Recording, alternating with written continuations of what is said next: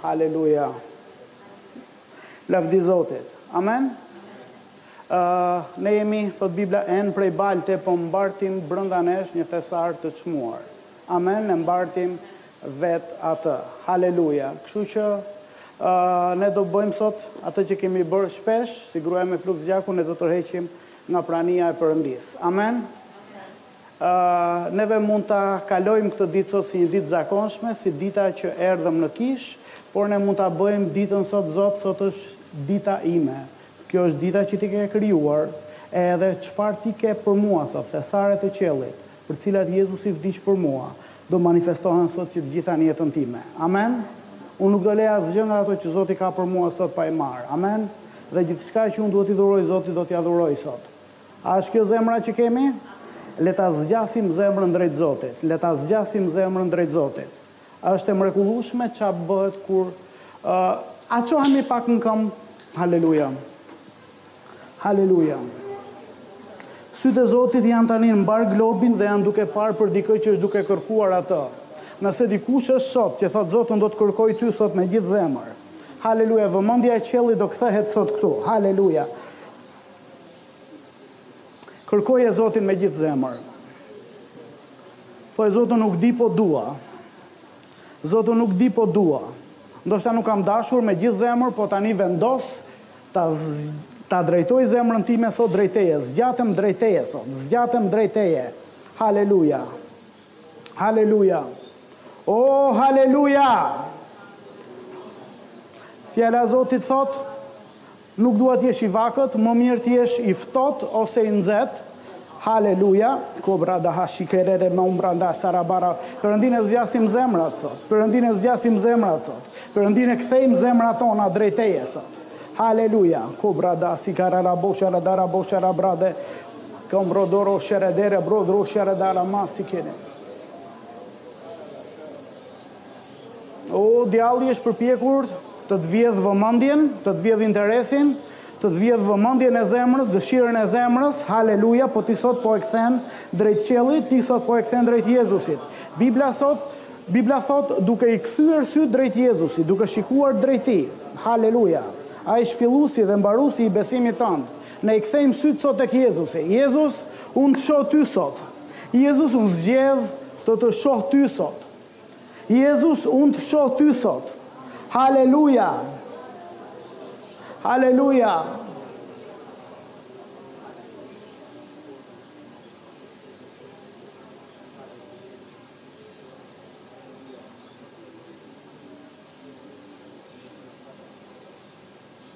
Ca njerëz duan të llastohen, ca njerëz duan ta shtyjnë për më vonë, ca njerëz duan t'i marrësh me të mirë, ca njerëz bëjnë të ofenduarin, po ne nuk jemi nga ata. Zot jam këtu. Zot nuk kam nevojë ta zgjas për më tej, Zot sot kthehem drejt Teje me gjithë zemër. Haleluja. Haleluja. Po Zot. Po Zot. Po Zot.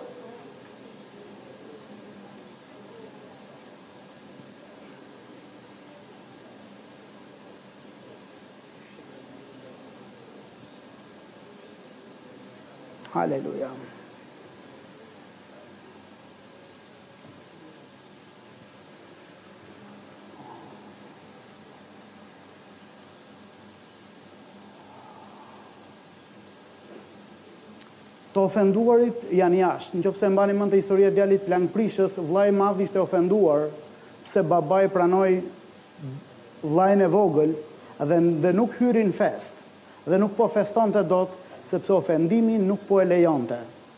Babai doli jashtë, i vuri krahun shpatull dhe i tha bir pse. Dhe ai ishte i zemëruar sepse gjërat nuk kishin ecur sipas planit tij. Vëllezër dhe motra, le t'i marri lumi planet tona. Amen. Plani i Zotit. Plani i Zotit. Le të hyjmë brenda. Ka fest. Amen. Ka fest në praninë e Zotit. Ka gëzim në praninë e Zotit. Ka shërim zemre në praninë e Zotit. Ka të ardhme në praninë e Zotit. Ai është Zot. Ai është Perëndi. Asgjë s'është e pamundur për të. Dhe gjithçka që Ai e ka e ka për bijtë e Tij. Amen! Sa bij dhe bija kemi këtu! Sa kemi këtu që janë blerë me gjakun e çmuar të Jezusit! Sa i përkasin Perëndisë dhe familjes Tij! Haleluja! Thuaj, Zot, unë të përkas Ty sot. Jeta ime të përket Ty. Zemra ime të përket Ty. Ky moment Të përket ty. Ti ma dhe këtë moment, unë ta jap ty. Unë ta dhuroj ty, Zot. Haleluja. U, haleluja. Lavdi Zotit. Uluni. Haleluja.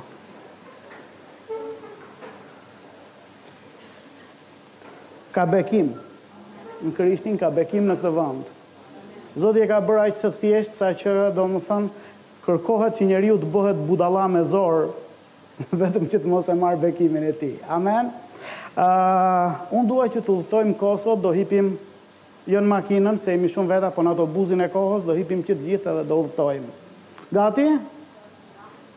Bileta është falas, fatorino s'kemi, do udhëtojmë një mijë Sa i bie nëntëqind vjet përpara? Zanafilla pesëmbëdhjetë. Po shkojmë në Lindjen e Mesme. Dhe këtu flitet për një zotëri që quhet Abraham. Zoti e thirri Abrahamin, ai ishte idhujtar, pjesë e një fisi idhujtar, nuk i përkiste Perëndisë, po Zoti iu shfaq një ditë dhe i tha, Dil nga ky vend ku ti je, dil nga njerëzit pjesë e të cilëve je dhe hajde në vendin që unë do të tregoj. Bibla thotë që Abrahami, pa e ditur se ku do ta çonte Perëndia, i besoi Perëndisë dhe shkoi. Ë, neve na thonë që ju keni besim të verbër. Ne nuk kemi besim të verbër. Ne vërtet nuk e dimë vendin ku po shkojmë, por ne njohim Atë që po na çon. te vendi ku po shkojmë. Amen? Kështu që ne nuk po ecim kuturu. Është më mirë të njohësh Atë se sa të dish vendin. Amen? Ka siguri në këtë gjë. Abrahami u nis edhe shkoi, ishte shtatëdhjetë e pesë vjeç kur u nis, gjashtëdhjetë e pesë vjeç ishte e shoqja, nuk kishin fëmijë sepse Sara e shoqja ishte shterpë, nuk lindte fëmijë. Zoti gjatë rrugës i bëri premtimin, i tha që unë do të të jap një fëmijë. Dhe te kapitulli pesëmbëdhjetë, Vargu dy, Abrahami i tha, Zot Perëndi, çfarë do të më japësh, sepse unë jam pa fëmijë dhe trashëgimtari i shtëpisë sime është Eliezeri i Damaskut? Pastaj Abrahami shtoi këto fjalë, Ti nuk më ke dhënë asnjë pasardhës dhe ja një i lindur në shtëpinë time do të jetë trashëgimtari im. Atëherë fjala e Zotit iu drejtua, duke i thënë, Ai nuk do të jetë trashëgimtari yt, por ai që do të dalë nga të përbrendshmet e tua do të jetë trashëgimtari yt. Pastaj e çoi jashtë dhe i tha, Vështro me kujdes qiellin dhe numëro yjet, në rast se mund t'i numërosh, pastaj shtoi, Kështu kanë për të qenë pasardhësit e tu. Dhe ai, Abrahami, i besoi Zotit dhe Zoti ia vuri në llogari të drejtësisë. Haleluja! Pastaj Zoti i tha, Unë jam Zoti që të nxori nga Uri i Kaldeasve për të të lënë si trashëgimi këtë vend.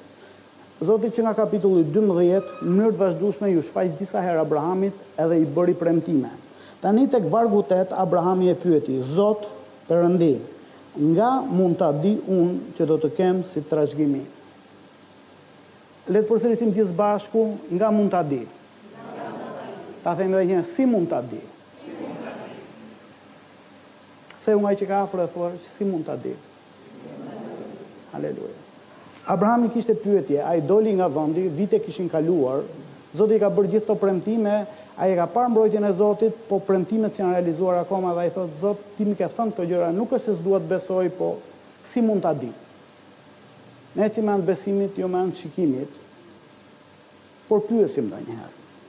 Tani, në këtë periudhë që neve jetojmë, njerëzit nuk ishin në botë moderne, ishin në një botë goxha primitive edhe njerëzit ishin goxha të egër, edhe ishin të ashpër me njëri-tjetrin, edhe në momentin që mund të ndodhte një miqësi, në momentin që mund të ndodhte një marrëdhënie e besueshme, ishte diçka me shumë vlerë. Në këtë periudhë është diçka që ne e quajmë besëlidhje dhe besëlidhja ishte shumë e njohur, nuk bëhej shpesh, por kur bëhej kishte shumë fuqi. Ne sot nuk para bëjmë më besëlidhje në botën moderne për arsye nga më të ndryshmet. Ne sot kemi kontrata, ne sot themi fjalë që mund të mos i mbajmë dhe prandaj bëjmë edhe kontrata që të sigurohemi që Pala tjetër e kontratës nuk do na hedhi dhe në qoftë se deli jashtë gjërave që ka thënë që do bëjë, atëherë kontrata na garanton që ata do paguajnë këtë dhe këtë në mënyrë që të përmbushet kontrata. Në këtë kohë mund të kishte kontrata por besëlidhja ishte mbi kontratën. Në qoftë se kontrata bazohet në dyshim dhe në frikë, kontrata bazohet në frikën që Ti mund të ma hedhësh, ti mund të ma kesh me hile, ti mund ta kesh seriozisht sot po mund të ndërrosh mendje nesër dhe në mënyrë që të mos çaloj nga ana ime, le ta bëjmë një kontratë, që të sigurohem. Pra, unë kam frikë se ndoshta gjërat nuk do shkojnë mirë prandaj do bëjmë kontratën. Po besëlidhja ka natyrë tjetër. Besëlidhja ka natyrën që unë po bëj një besëlidhje me ty sepse të dua të mirën, Dhe unë po të garantoj ty që ti të kesh sigurinë që unë do ta bëj pjesën time, kështu që ti të jesh në paqe. E kuptojmë? Qoftë se kontrata bazohet në dyshim dhe në frikë, besëlidhja bëhet në mirëbesim dhe ka patur gjatë historisë besëlidhje nga më të ndryshme. Sa nga ju e kanë parë filmin me Skënderbeun? Ju kujtohet një pjesë kur çahet dora me thikë edhe pikon gjaku edhe bashkojnë duart me njëri tjetrin? Ose keni dëgjuar fjalën vëllezër gjaku? Do thotë që janë vëllezër që nuk kanë lindur nga një nënë dhe nga një baba, por bëjnë një beslidhje gjaku me njëri tjetrin edhe e kanë të sigurt që në qoftë se gjithë bota do kthehet kundër meje është dikush këtu që po ma ruan shpinën, sepse e kam vëlla gjaku. Edhe ka patur mënyra nga më të ndryshme, po një nga mënyrat se si bëhej beslidhja e gjakut ishte në mënyrë të tillë që kur ne do bëjmë një beslidhje ratifikohet ose vuloset me gjak dhe sa herë ne përmendim gjakun, gjaku është diçka e cila nuk mund të merret lehtë. Po për shembull merrej një kafshë edhe kafsha therrej përgjysmë nga Koka deri në fund edhe ndahej përgjysëm edhe kishte gjak në mes të kafshës. Edhe njëra palë e beslidhjes ishte nga njëra anë e kafshës, tjetra nga ana tjetër. Edhe ata bënin premtime. Edhe njëra palë thoshte që unë po kaloj tani përmes kafshës të çarë për dysh, po eci përmes gjakut, kur e kemi therrur kafshën i kemi bërë duart me gjak, por tani dhe po shkelim mbi këtë gjak, edhe unë po kaloj këtu mes përmes kësaj kafshës dhe po vij drejt teje dhe jam duke premtuar që unë do të jem ty besnik duke përmbushur këtë dhe këtë, edhe nëse unë nuk e mbaj premtimin tim më ndodhtë mua siç i ndodhi kësaj kafshe. Edhe kthehej mbrapsht. Pastaj pala tjetër vinte dhe ecte mes përmes kafshës, edhe thoshte, Nëse unë nuk mbaj premtimet e mia ndaj teje, më ndodhtë mua siç i ndodhi kësaj kafshe, që ti të jesh i sigurt që unë do ta mbaj premtimin. Edhe, ata jepnin dorë njëri-tjetrit apo Varet si do ishte ceremonia e fiseve të ndryshme, po pak a shumë kjo ishte në atë kulturën e asaj kohe ishte diçka e zakonshme, nuk bëhej përditë se nuk ishte shaka, po kur bëhej ata ishin lidhur me anë të beslidhjes së gjakut dhe kjo ishte diçka shumë e çmuar. Dhe ishte diçka shumë e fortë. Edhe mund të ndodhte që kishte fise të ndryshme, mund të kishim për shembull një fis që është luftarak edhe i fuqishëm, mund të kemi një fis tjetër që ndoshta nuk është luftarak dhe i fuqishëm, por është shumë i suksesshëm në bujqësinë, blegtorinë, tregti. Edhe edhe këta mund të bënin beslidhje me njëri-tjetrin. Fisi luftarak ndoshta ishte shumë i mirë në luftë, por nuk ishte i aftë në biznes, nuk ishte i aftë blegtori e në bujqësi dhe kishte nevojë për dikë që në kohën e zisë bukës ta ndihmonte. Por, këta që ishin të aftë në tregtim bujqësi e blegtori, mund të ishin shumë të aftë në biznes, por kishin nevojë për mbrojtje nëse dikush i sulmonte dhe mund të bënin dy fiset besëlidhje me njëri-tjetrin edhe dobësia ime mbulohet nga pika e fortë e tjetrit edhe dobësia ime këtu mbulohet nga pika e fortë e tjetrit. Edhe kishte përfitime nga më të ndryshmet. Po kemi besëlidhje edhe rastin e martesës. Rasti, besëlidhja në Bibël quhet, martesa në Bibël quhet lidhje besëlidhje. Është e çmuar në sytë e Zotit. Edhe prandaj Perëndia thotë tek Malakia, flet që unë e urrej divorcin, thotë. Edhe kur flet për personin që thyen besëlidhjen dhe divorcon, personin me të cilin është martuar. Ë, le të vemi këtu. Atëherë Abrahami çfarë e pyeti Zotin? Si mund ta si mund ta di? Si mund ta di Zot? Dhe ja çfarë bën Zoti. Zoti është i mrekullueshëm, shpeshherë vjen në nivelin tonë, në nivelin tonë të të kuptuarit. Ja, Abrahami jetonte në këtë lloj bote ku besëlidhja kishte këtë kuptim për ata njerëz dhe shiko çfarë bën Zoti. Vargu nëntë, Atëherë Zoti tha, Sillmë një mëshqerrë trevjeçare. Mëshqerra është viçi që akoma s'është bërë lopë, nuk ka lindur viç akoma për vete. Një dhi trevjeçare, një dash trevjeçar, një turtull dhe një pëllumb të ri. Atëherë Abrahami i shpuri tërë këto kafshë, i ndau më dysh dhe vendosi secilën gjysmë përballë tjetrës. Pra i ndau përgjysmë, siç thamë që bëheshin, bëhej me kafshët në atë kohë kur bëhej një besëlidhje. Kur Zoti i tha këtë gjë Abrahamit, Abrahamit direkt i vajti në mendje besëlidhja. Çfarë po bën Zoti? Unë thjesht e pyeta, Zot, nga mund ta di që ti do ta mbash premtimin? E Zoti i tha, Bëje këtë gjë, ndaji përgjysmë dhe veri gjysmat përballë njëra-tjetrës. Thotë por zogjtë nuk i ndau. Dhe disa zogj grabitqarë zbritën mbi kafshët e vrara, por Abrahami i përzuri. Me perëndimin e diellit një gjumë i rëndë e zuri Abramin. Dhe ja një llahtari dhe një errësirë e thellë kapluan atë. Atëherë Zoti i tha Abramit, Dije me siguri që pasardhësit e tu do të qëndrojnë si të huaj në një vend që nuk do të jetë i tyre dhe do të jenë skllevër dhe njerëz të shtypur për katërqind vjet, por Unë do të gjykoj kombin shërbyes e të cilit do të kenë qenë, pas kësaj ata do të dalin me pasuri të mëdha. Zoti po profetizonte këtu ç'do ndodhte me kombin e Izraelit që do ishte skllav në Egjipt për katërqind vjet. Sa për ty do të shkosh në paqe pranë prindërve të tu dhe do të varrosesh pasi të kesh arritur një pleqëri të bukur.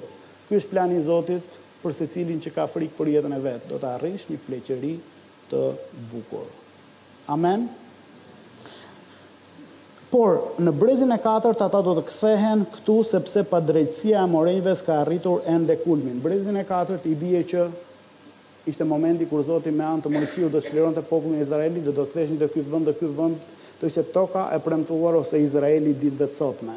Zoti po thoshte jo vetëm që do kesh një bir, po ai bir do ketë pasardhës. Po do bëhet një komb i madh edhe ai komb do ketë këtë tokë premtuar dhe po e garantoj unë se jam zoti. Edhe thot, me ç'ra fjala thot sepse padrejtësia e amorenjve s'ka arritur ende kulmin. Kjo është e mrekullueshme, ka njerëz që kanë thënë që mirë zoti i bëri mirë Izraelit, por duke i bërë mirë Izraelit i bëri keq kombeve që ishin tashmë në tokën e premtuar dhe një prej atyre kombeve ishin fisi i amorenjve. Por zoti thotë padrejtësia e amorenjve ende s'ka arritur kulmin. Unë po jap mëshirë amorenjve që të pendohen, unë po jap mëshirë që të pendohen, unë po jap mëshirë që të pendohen. Por do vijë një moment që padrejtësia e tyre do arrijë kulmin që ata s'do duan të kthehen më. Dhe në atë moment unë do t'i heq nga kjo tokë dhe do sjell kombin tim këtu. Zoti nuk është i padrejtë, Zoti është i mirë. Amen. Por me të perënduar dielli dhe me të zbritur errësira na del para syve një furrë që nxjerr tym dhe një pishtar i zjarrtë që kalon përmes kafshëve të ndara. Kjo është prania e Zotit. Zoti vetë po kalon përmes kafshëve të ndara. Abrahamin e ka zënë gjumi, Zoti e vendosi në gjumë vetë dhe po ia komunikonte këto gjëra ndërkohë që ai i dëgjonte këto gjëra në gjumë.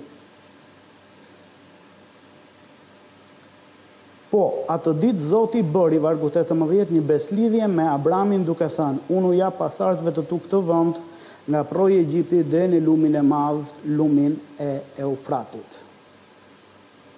Zot, nga ta di? Zoti i tha, Merr kafshët, ndaji, Vendosi këtu dhe Zoti bën premtimin e vet, thotë, Unë do të bëj këtë, këtë, këtë. Dhe Zoti vetë me praninë e tij kalon mes përmes kafshëve dhe Bibla thotë atë ditë Zoti bëri një besëlidhje me Abramin. Iniciativa e Zotit jo e Abramit dhe Zoti kalon mes përmes kafshëve. Në qoftë se e mbani mend në fillim unë i thashë që dy palët që bënin besëlidhjen ishin njëra kalonte përmes kafshëve mbasi bënte premtimet dhe kthehej mbrapsht pastaj kalonte edhe ana tjetër po ne shohim te ky rast që Zoti vetë kalon përmes kafshëve por nuk e detyron Abrahamin të kalojë përmes kafshëve. Në çdo marrëdhënie të shëndetshme të dyja palët janë aktive njëra bën njërën anë Tjetra bën anën tjetër, edhe kjo është një marrëdhënie e plotë. Po në këtë rast Zoti po thotë, Nuk është nevoja që ti të bësh ndonjë gjë, këtë do ta bëj unë të gjithën. Ky është hir. Jo me anë të veprës, thotë Efesianët, që të mos mburret askush, por me anë të hirit. Hiri është favori i pamerituar i Zotit ndaj nesh. Është çfarë Zoti bën për ne. Është njëqind për qind puna e Zotit ndaj nesh, zero për qind puna jonë qoftë për veten tonë, qoftë për Zotin. Amen? Në tempull isht është një detaj shumë interesant, nuk lejohej që priftërinjtë që shërbenin të djersiteshin. Pse? Sepse djersa është e barabartë me punë. e barabartë me vepër, edhe megjithëse ishin në një besëlidhje ligji, megjithëse ishin në një besëlidhje vepre në kohën e Moisiut, Zoti tha, Nuk dua djersë këtu, nuk e dua mundin tuaj, jam vetëm Unë që do ta bëj të gjithën, do jetë vetëm për shkakun tim. Amen? Kur Zoti e bën të gjithën, atëherë Ai e merr lavdinë. Kur ne e bëjmë, e marrim ne lavdinë. Por Zoti i tha, Jo Abraham, ti nuk do kalosh mes përmes kafshëve, do kaloj vetëm Unë dhe ti do ta dish. që jam unë Zoti që e bëra. Amen? Abrahami i, i besoi Perëndisë dhe ia vuri në llogari të drejtësisë. Amen? Abrahami nuk ishte i drejtë, nuk punoi për drejtësinë, thjesht i besoi Zotit, dhe Zoti tha, në librin tim unë po të llogaris ty si të drejtë. Lavdi Zotit. Haleluja. U, sa i mirë Zoti ynë. Haleluja.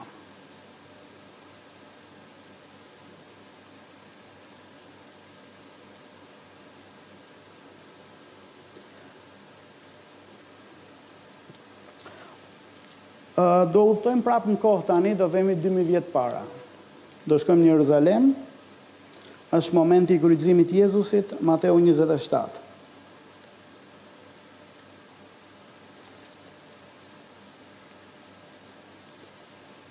Tani përpara se Jezusi të vdiste në kryq, ai ishte me dishepujt dhe ju e dini që ai i mblodhi dishepujt dhe hëngri me ta darkën e fundit.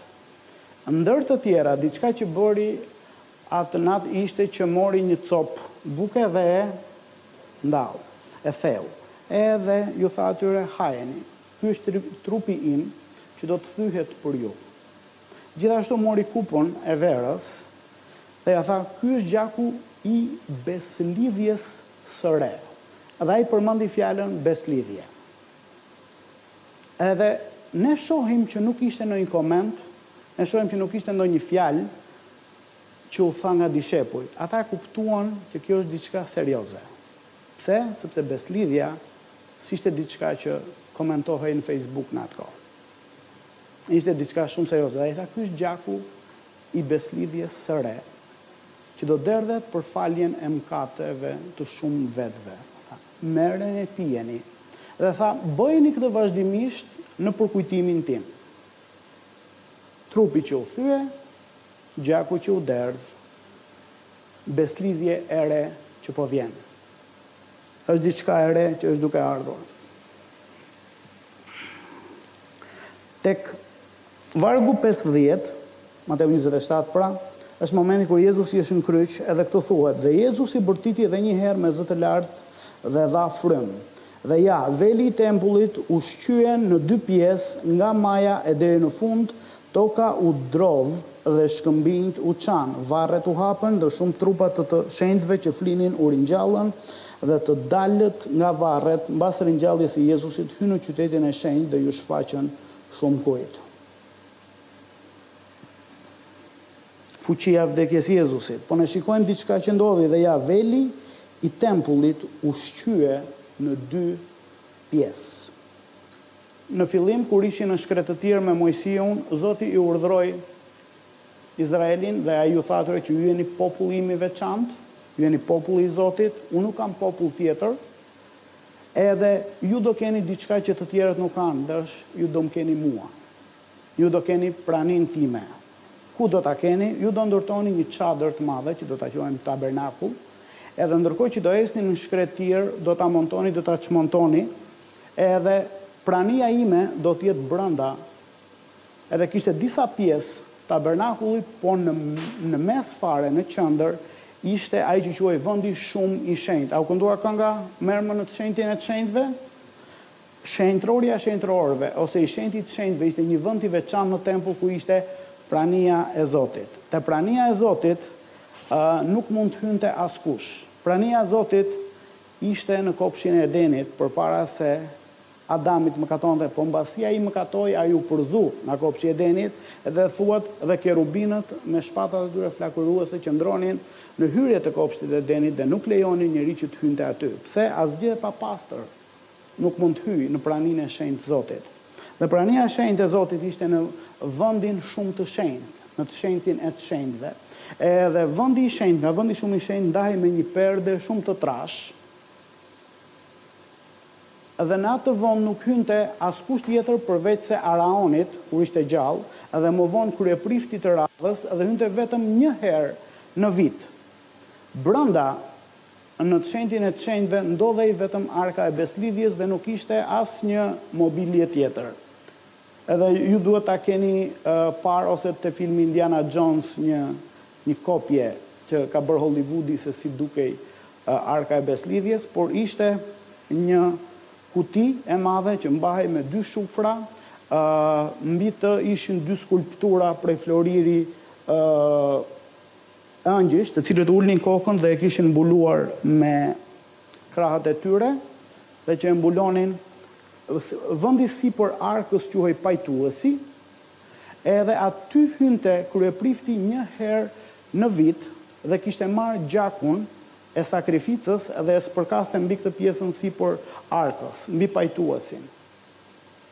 Kur kryeprifti hynte, hynte me frikën që unë po hyj në vendin shumë të shenjtë, që gjasat janë që unë mund të vdes nëse mëkatet e mia nuk janë të mbuluara me gjakun e sakrificave që ne tashmë kemi bërë. Dhe ju e duhet ta keni dëgjuar historinë që ai hynte i lidhur me një litar, edhe në fund të rrobës së vet, të mantelit kishte disa zilka prej metali që ishin në formë shegësh, të cilat bënin zhurmë dhe njerëzit që ishin jashtë për sa kohë zilkat tringëllonin, është në këmbë kryeprifti dhe është gjallë dhe nuk ka rënë i vdekur në praninë e Zotit. Edhe në qoftë se do të vdiste litari shërbente për ta tërhequr kufomën për ta nxjerrë jashtë.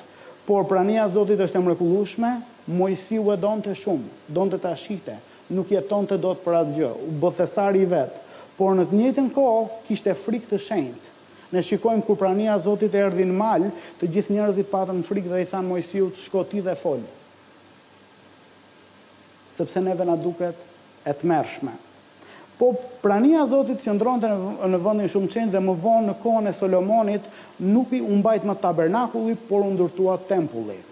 që ishte diçka më solide më e madhe po kishte të njëjtin strukturë si tabernakulli kishte vendin shumë të shenjtë aty brenda dhe prania e Zotit ishte por ne shikojmë ë diçka të mrekullueshme që është duke ndodhur këtu kur Jezusi vdes në kryq ne shohim që thotë ë bërtiti një herë me zë të lartë dhe dha frymë në momentin që Jezusi Vdiq, bërtiti dhe njëherë me zë të lartë dhe dha frymë dhe ja veli i tempullit u shqye në dy pjesë.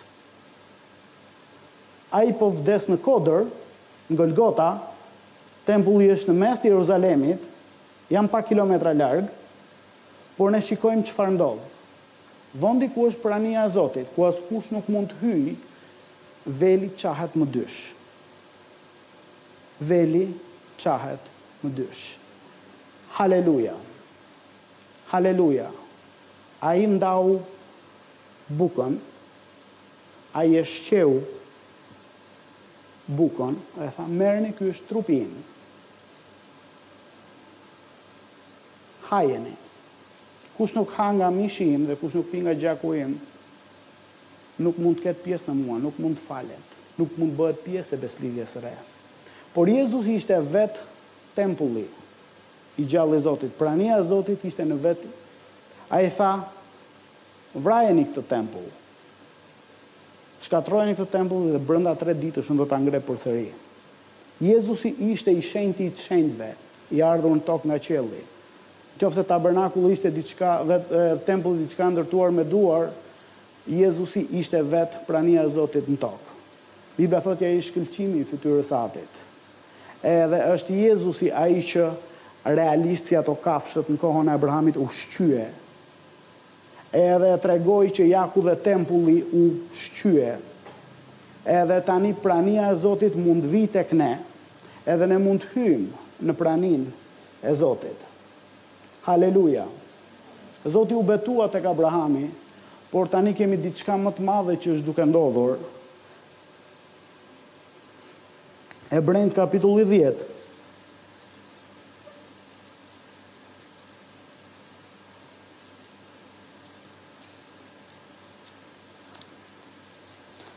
Vargu nëntëmbëdhjetë thotë, Duke pasur pra, o vëllezër, liri të plotë për të hyrë në shenjtërore, në atë vend ku askush nuk mund të hynte, dhe tani nuk po flitet për shenjtëroren që ishte në tabernakull apo në tempull, tani po flitet në shenjtëroren që është në praninë e Zotit në qiell.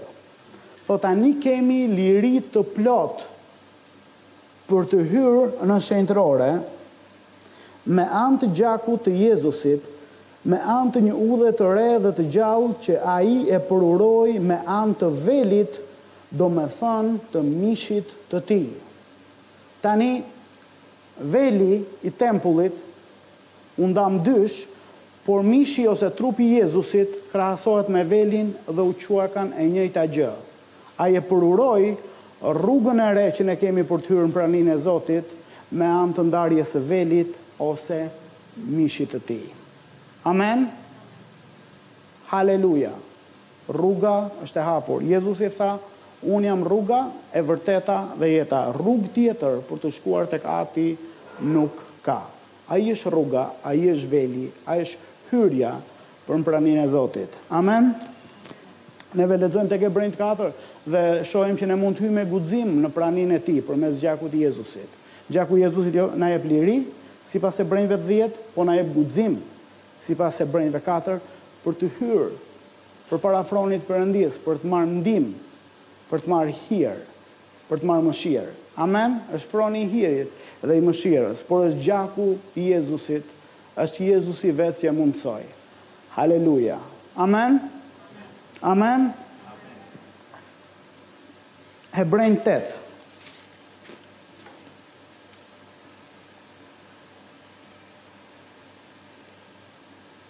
Vargu gjashtë thotë, Tani Krishti mori një shërbesë dhe më të shquar, sepse është ndërmjetësi i një besëlidhje më të mirë që bazohet mbi premtime më të mira.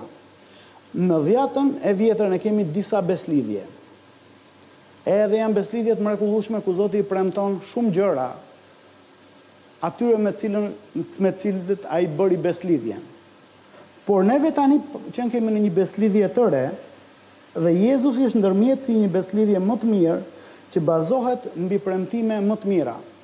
Ë, ne po shohim besimtarë sot që ndihen inferiorë ndaj gjërave që Zoti bënte në Dhjatën e Vjetër dhe thonë ah sikur të isha në atë periudhë. Por besimtarët e Dhjatës Vjetër kishin marrë premtime, si për shembull Jeremia tha, ja unë do të bëj një besëlidhje të re.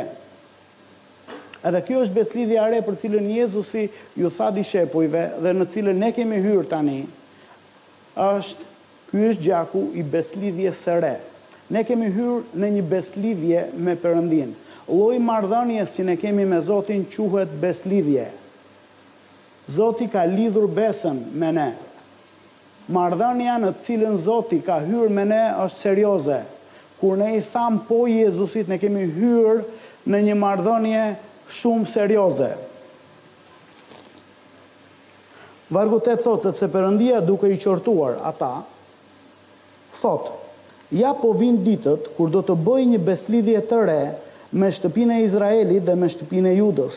Jo si besëlidhja që bëra me etërit e tyre ditën që i mora për dore për t'i nxjerrë jashtë nga toka e Egjiptit, sepse ata nuk qëndruan besnikë në besëlidhjen time dhe unë i braktisa, thotë Zoti.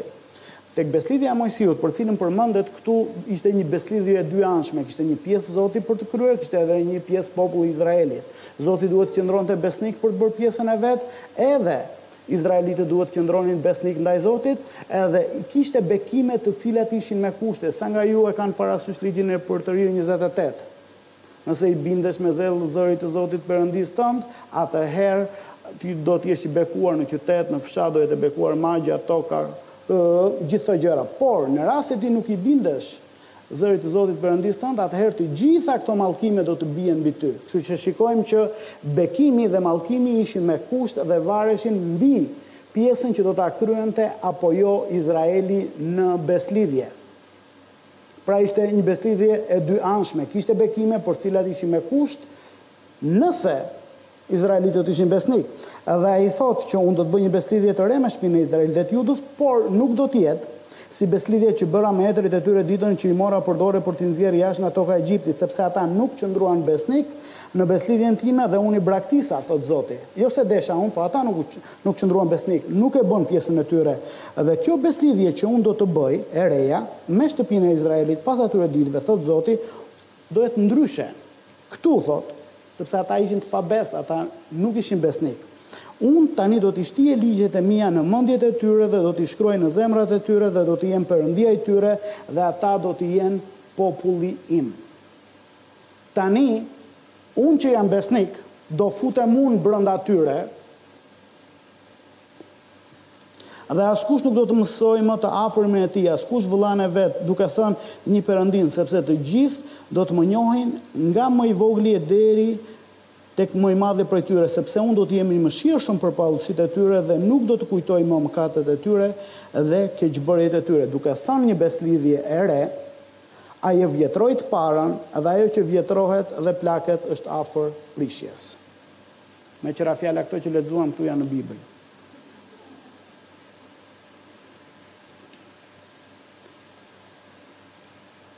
Ëë Për termin besëlidhje flitet shumë pak sot, por është kaq e nevojshme.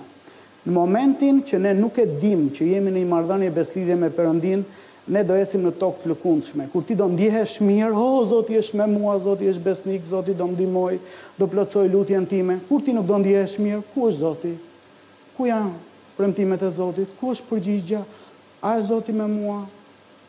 Pse? Sepse ti po ecën bazuar tek ndjenjat e tua. Po kur ti e di që ke një marrëdhënie besëlidhje me Zotin, bie shi, bie borë, është diell, është vapë, njerëzit të thonë po, njerëzit të thonë jo, situata do duken keq, mirë, covid, tërmet, lekë, jo lekë etj.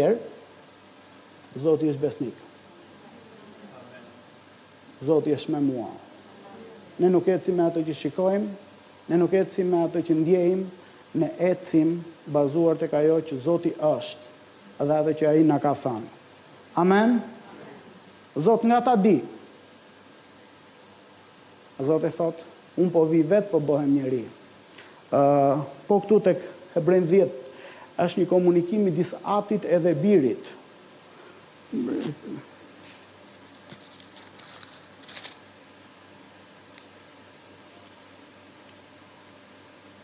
Ok. Ëh. Dhjetë katër thotë sepse është e pamundur që gjaku i dhe i demave dhe i cjepve të heqë mëkatet, prandaj duke hyrë në botë, duke hyrë në botë, është Jezusi, Jezusi ishte Perëndi dhe u bë, u bë njeri. Jezusi ekzistonte përpara se të lindte nga Maria, ekzistonte si Perëndi, ishte Ati, Fjala dhe Fryma e Shenjtë. Edhe Fjala Ishte emri i Jezusit kur ishte në qiell përpara se të bëhej njeri në tokë.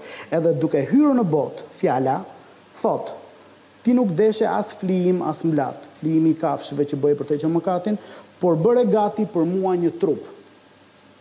Fjala po i komunikon Atit këtë gjë, Ty nuk të pëlqejnë atje poshtë cjeptë, demat, viçat, qengjat që janë duke therur. Nuk ato po e mbulojnë mëkatin përkohësisht. Ato nuk e kënaqin drejtësinë tënde. Ato po e mbulojnë, por nuk po e lajnë dhe ty nuk të pëlqejnë ato gjëra, thotë. Ti nuk deshe as flijim as mblatë, por bëre gati për mua një trup, sepse Jezusi ishte në qiell, por nuk ishte trup njeriu, ishte Perëndi, si Ati, ishte Perëndi si Fryma e Shenjtë. Edhe, edhe thotë, Ti nuk pëlqeve as holokauste, as flijime për mëkatin, atëherë unë thashë, ja unë po vij, në rrotullin e librit është shkruar për mua, për të bërë o Perëndi vullnetin tënd. Mbasi tha, Ti nuk deshe as flijime, as mblatë, as holokauste, as flijime për mëkatin që blatohen sipas ligjit, ai shtoi, Ja unë po vij për të bërë, o Perëndi, vullnetin tënd, ai heq të parën, që të vërë të dytën. E thotë, Prej këtij vullneti ne jemi shenjtëruar, edhe shkrimi vazhdon, Por bëre gati për mua një trup dhe Jezusi mori një trup, po pse e mori atë trup? Pse erdhi?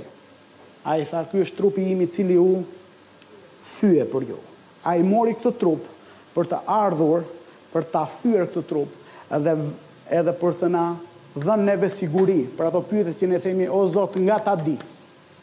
Nga ta di. Edhe ai thotë shiko këtu. Tani nuk është më një mëshqerr, nuk është më një cjap, nuk është më një viç apo një qengj, tani jam vetë unë.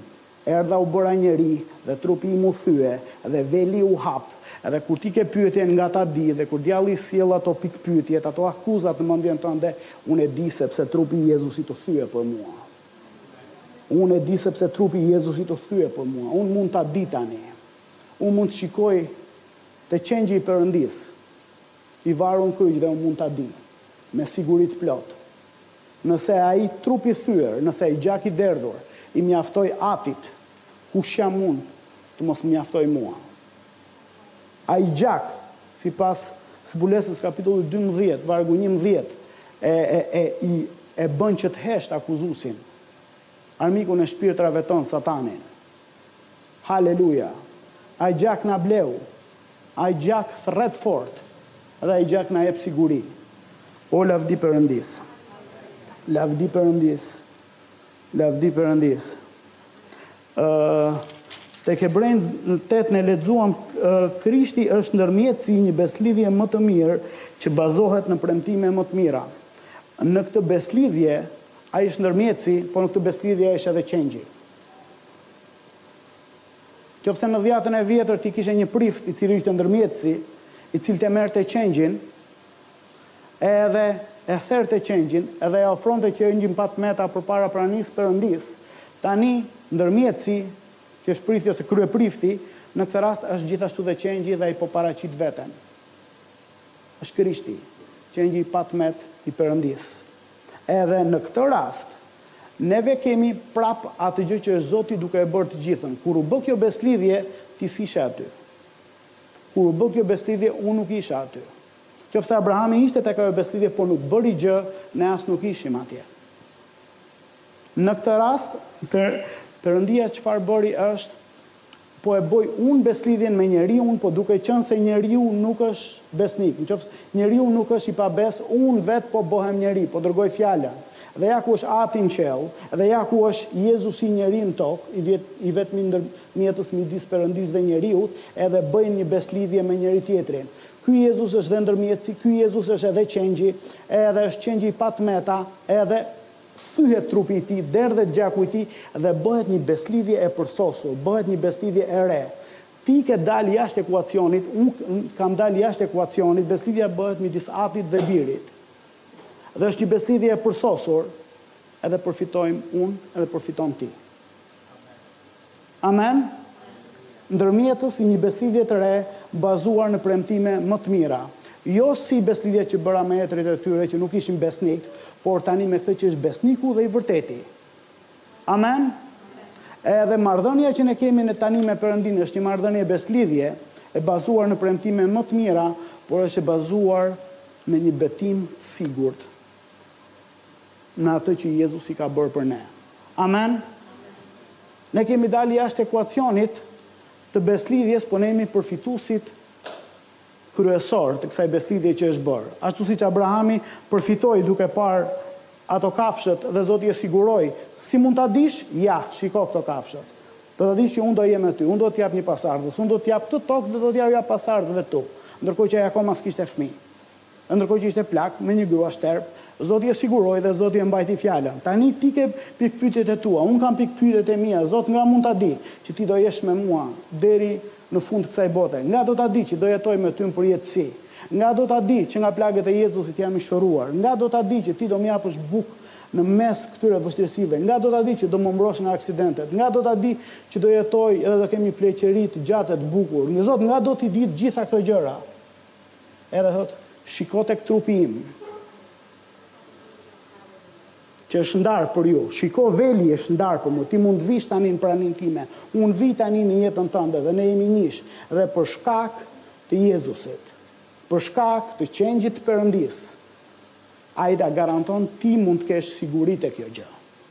Ti mund të kesh siguri te kjo gjë. Edhe kjo është gjëja më e madhe që Zoti ka bërë për ne. Haleluja! Romakët kapitulli tetë thotë,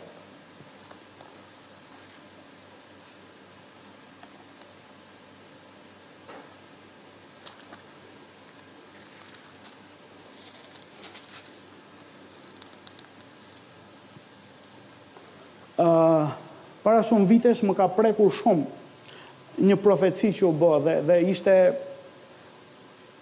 Ishte shumë e fuqishme dhe ishte ishte në lidhje me me me të parit e gjërave në këndvështrimin që Zoti i ka edhe që që shpesh herë ne kemi pikëpyetjen tonë që Zot ça do bësh edhe ne presim që Zoti të na motivojë Zoti të na inkurajojë Zoti të bëjë diçka për ne edhe ndërkohë ne nuk zgjohemi ndaj asaj që Zoti na ka thirrur edhe nuk veprojmë në termat që ai i do po duam t'i bëjmë gjërat në termat tonë Edhe profecia kishte këtë linjë, edhe, edhe nëse, ë, më lejoni sa ta kujtoj pak, dhe ishte që, ë,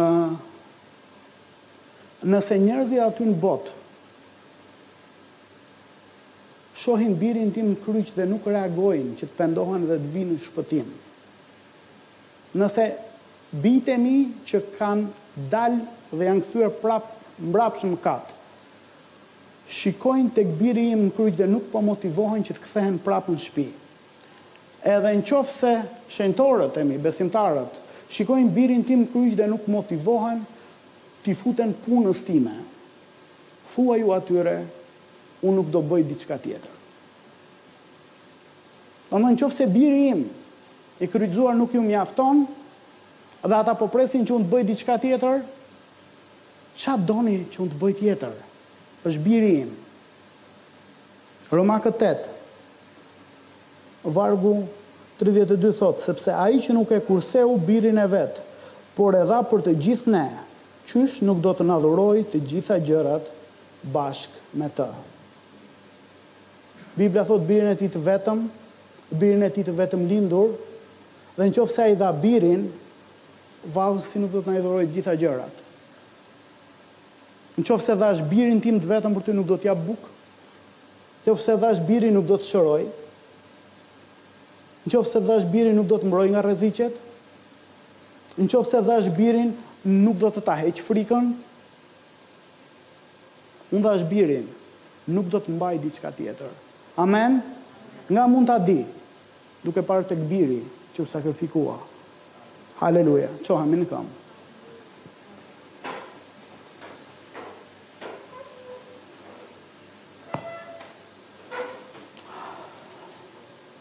O lavdi Perëndisë.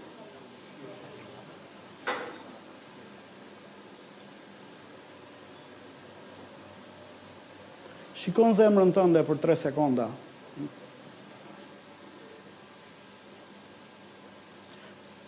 Haleluja! A a prodhon siguri kjo në zemrën tënde për ty që Zot unë mund ta di që ti je me mua. Zot unë mund ta di që ti je serioz ndaj meje. Zot unë mund ta di që ti më do. Zot unë mund ta di që ti do kujdesesh për mua. Unë mund të shikoj tek Jezusi që u nda në dysh për meje, për mua. Haleluja! Zot unë mund ta di. Zot unë mund ta di.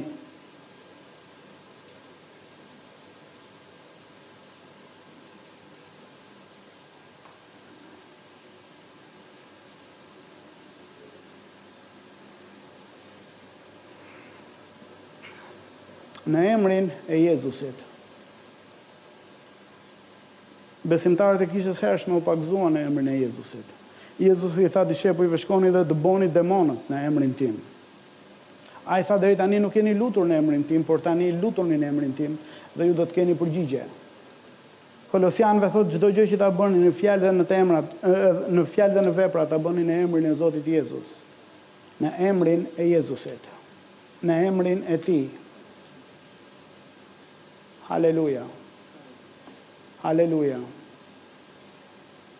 Pra jo në emrin tonë.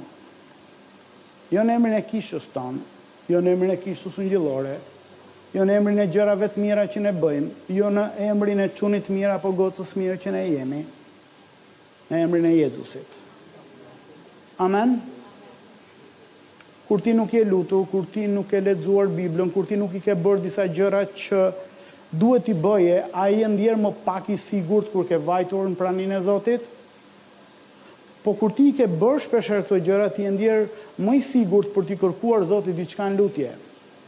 Po Zoti thotë unë nuk dua të vish në praninë time në emrin e leximit tënd të rregullt të Biblës, unë nuk dua të vish në praninë time në emrit sepse ti vjen rregullisht në kishë, apo sepse ti jep të dhjetën, apo sepse ti ndihmon të tjerët, apo sepse ti zbaton disa gjëra që thuan në Bibël. Dhe ti duhet t'i zbatosh këto gjëra, po mos hajde tek unë Në emrin e bindjes së këtyre gjërave, ti duhet të vish tek unë vetëm në emrin e Jezusit.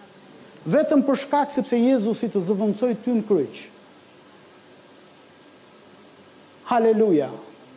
Haleluja! Kur ne shkojmë tek Perëndia, Perëndi unë vij përpara teje në emrin e Jezusit, është njëlloj sikur vetë Jezusi ka shkuar atje. Edhe ai e plotëson lutjen tënde.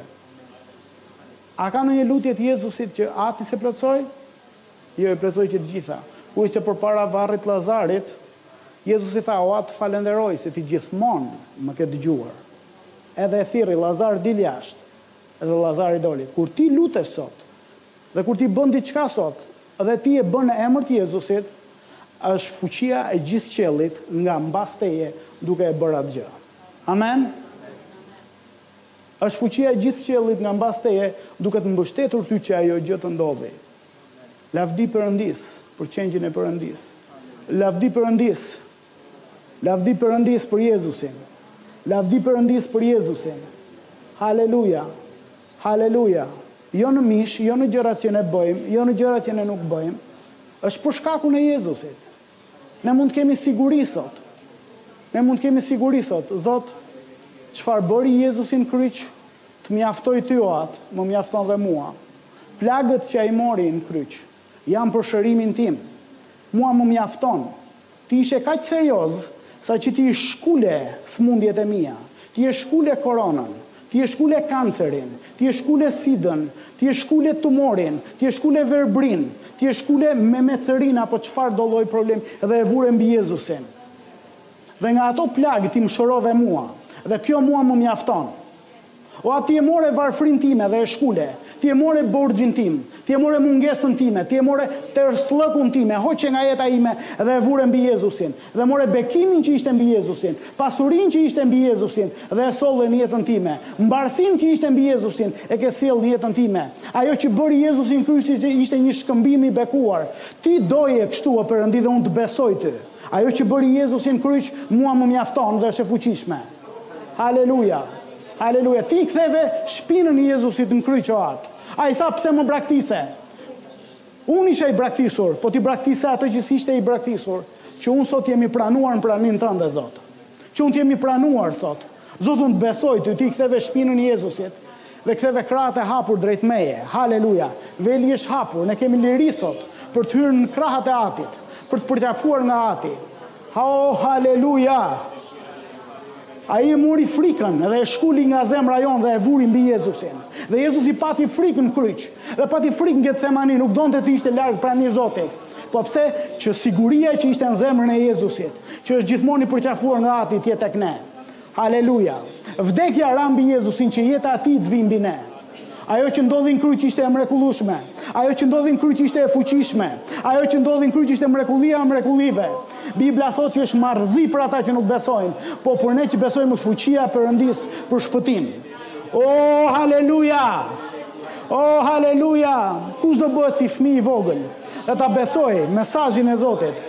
Kujt iu shfaq krahu i Zotit? Kujt iu shfaq krahu shpëtues i Perëndisë?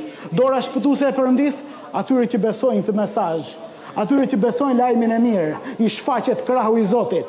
I shfaqet krahu i Zotit. Oo, ti mund ta dish. Oh ne mund ta dimë. Haleluja. Vetë Perëndia të bëhet njeri, vetë Perëndia të vdesë për ne. Haleluja. Haleluja. Haleluja. Oh lavdi. Oh çfarë Zoti kemi. Oh sa e urren djalli këtë mesazh. Oh demonët e urrejnë këtë mesazh. Kur dikush e përqafon këtë mesazh. Haleluja. Haleluja.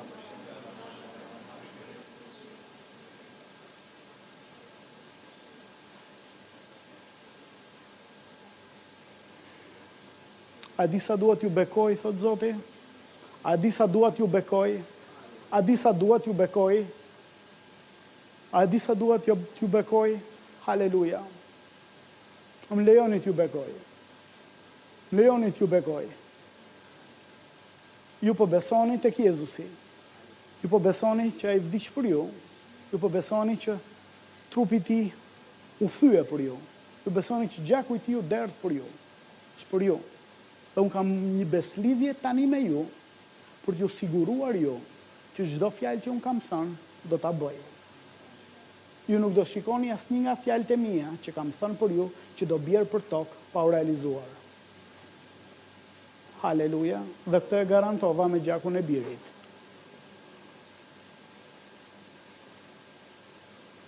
Haleluja! Tani, shikoni pak agresivitetin e Abrahamit. Ai tha, Nga mund ta di? Dhe ai u nis drejt tokës, që Zoti i tha. Edhe, ë, unë pres një lloj agresiv, agresiviteti të mirë. Guximi, Bibla thotë, me guxim le të hyjmë përpara fronit, ë, për të besuar tek Jezusi, për t'u kthyer tek Ai, ë, për t'u afruar. Jo patjetër, i, jeni në mëkat disa prej jush, po thjesht për t'iu afruar atij më afër, për të qëndruar pranë tij, por edhe për të marrë gjërat e mira që ai ka për ju. Është një agresivitet, një guxim i mirë që provohet për shkak të gjakut. Ne nuk besojmë te arroganca, arroganca është mëkat, po ne besojmë te guximi në Zotin, që është diçka e mirë. Amen? Provon një guxim të madh besimi në gjakun e Jezusit. Kalebi, kur hyri në Tokën e Premtuar mbas dyzet vjetësh tha, Ma jep këtë mal, se është i imi. Zoti kishte premtuar, ti do marrësh tokën e premtuar dhe tha unë këtë mal do ta marr. Për dyzet vjet edhe kur hyri tha do ta marr ky është mali im. Disa prej jush duhet të marrin shërimin në këtë mënyrë. Disa prej jush duhet të marrin punën e re. Disa prej jush duhet të marrin çlirimin nga borxhet. Disa prej jush duhet të marrin shërimin e zemrës thyer. Disa prej jush duhet të marrin shërimin e mendjes. Disa nga ju një nivel të ri diturie. Krishti u bë dituri për ne në kryq. Amen. Haleluja. Nuk ka nuk, qengji i patëmetë. në mënyrë që të heqi të metat tona. Amen. Është një zemërim i shenjtë i Zotit, që unë të paguaj për bijtë e mi dhe ata mos ta marrin gjënë për të cilën unë pagova? Haleluja! Gjërat të cilat unë i jap fëmijëve të mi, unë mërzitem kur ata nuk hanë sa duhet.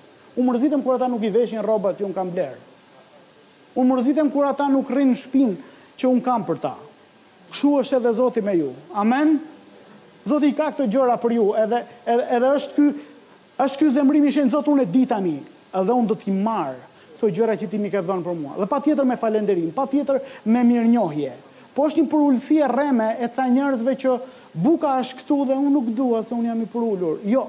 Përulja është bukën e përditshme që Zoti ta ka dhënë sot, merre me falenderim sepse e ka për ty. Amen? Haleluja! Haleluja! Gjërat e mira që Zoti i ka për ty, merri sepse i ka për ty. Amen? Dhe me siguri. Haleluja! Shpesh herë duhet duhet t'i japim një shkelm vetes, ej, zgjohu, bëje këtë gjë që Zoti thotë. Haleluja! Haleluja! me anë të besimit. Ju shpeshherë keni parë këtu manifestimin e dhuratave të frymës, praninë e Zotit, keni parë shenja dhe çudira që janë bërë, edhe edhe kur shpeshherë shumica e këtyre gjërave që ndodhin kërkojnë pak besim dhe nganjëherë zero besim apo edhe besimin e dikujt tjetër apo një lëvizje e mbinatyrshme e frymës Zotit. Dhe këto gjëra ne do t'i kemi. Por. Ka raste që kur ti nuk i ke këto gjëra, djalli mund të të pëshpërisë në vesh, ku është prania e Zotit në jetën tënde? Është diçka gabim me ty. Pse s'janë gjërat aty ku janë? Ti duhet të kuptosh një gjë, edhe edhe njerëzit e rritur në Zotin e kuptojnë këtë gjë që unë nuk kam nevojë që ta ndjej. Zoti është me mua tani. Gjaku i Jezusit prapë ka fuqi për mua. Ajo që Jezusi bëri në kryq nuk e ka nuk ka skaduar, nuk e ka humbur fuqinë. Edhe ti mund të ecësh me besim tek premtimi i Fjalës së Zotit. Pse ju kujtoni se mbas asaj eksperience që Abrahami pati, ajo, ai tymi që ishte aty dhe ai pishtari ishte gjatë gjithë kohës çdo ditë me atë? Jo. Po eci njëzet e pesë vjet dhe pastaj eci dhe pesëmbëdhjetë vjet të tjera gati dyzet vjet edhe pastaj eci dhe me besim tek Zoti dhe kur nuk e ndjente. Zoti më tha dhe ai do ta bëjë. Kështu që ë është një moment që neve i themi vetes, siç Bibla thotë, ne kemi të njëjtën frymë besimi, siç është shkruar, unë besova, prandaj edhe fola. Ne kemi të njëjtën frymë besimi siç ata kishin, ne besojmë, prandaj edhe flasim. Ne kemi të njëjtën frymë besimi, tek Letra e Galatasve thuhet që ne kemi të njëjtën frymë si Abrahami kishte dhe ne jemi bij të Abrahamit me anë të besimit, dhe ne jemi të bekuar bashkë me të bekuarin Abraham. Secili prej jush këtu, që besoni tek Jezusi, është bir dhe bijë e Abrahamit, dhe e njëjta frymë besimi që ishte tek Abrahami, është tek ju. Amen? Ju jeni njerëz besimi. Ju jeni burra dhe gra besimi, vajza dhe djem besimi, ju jeni njerëz besimi. Haleluja dhe dhe siguria domethënë domethënë dua të ngjis këtë gjë në ju tani. Disa prej ju e dini dhe po ju inkurajoj disa prej jush që keni të freskët por filloni të ecni me këtë siguri dhe kur ju nuk e ndjeni kur të zgjoheni pasnesër mëngjes edhe edhe kjo ndjesia e mirë që keni tani nuk do jetë aty e vërteta është njëlloj. Kur do keni sikletin e radhës, tundimin e radhës, problemin e radhës, frikën dhe ankthin e radhës, e vërteta është e njëjtë dhe e vërteta na bën të lirë. Amen? Ne ecim me besim. Dhe ne e dimë. Sepse Ai na siguroi. Momentin kur ne tronditemi, kthejmë sytë nga Jezusi, Filluesi dhe Mbaruesi i besimit tonë, dhe jemi të sigurt. Amen? Amen? Amen? Amen do të thotë, Kështu qoftë. Haleluja! Ju jeni të fuqishëm në Zotin. Ju jeni të ditur në Zotin. Ju jeni të fortë në Zotin. Ju keni Zotin brenda jush. Haleluja!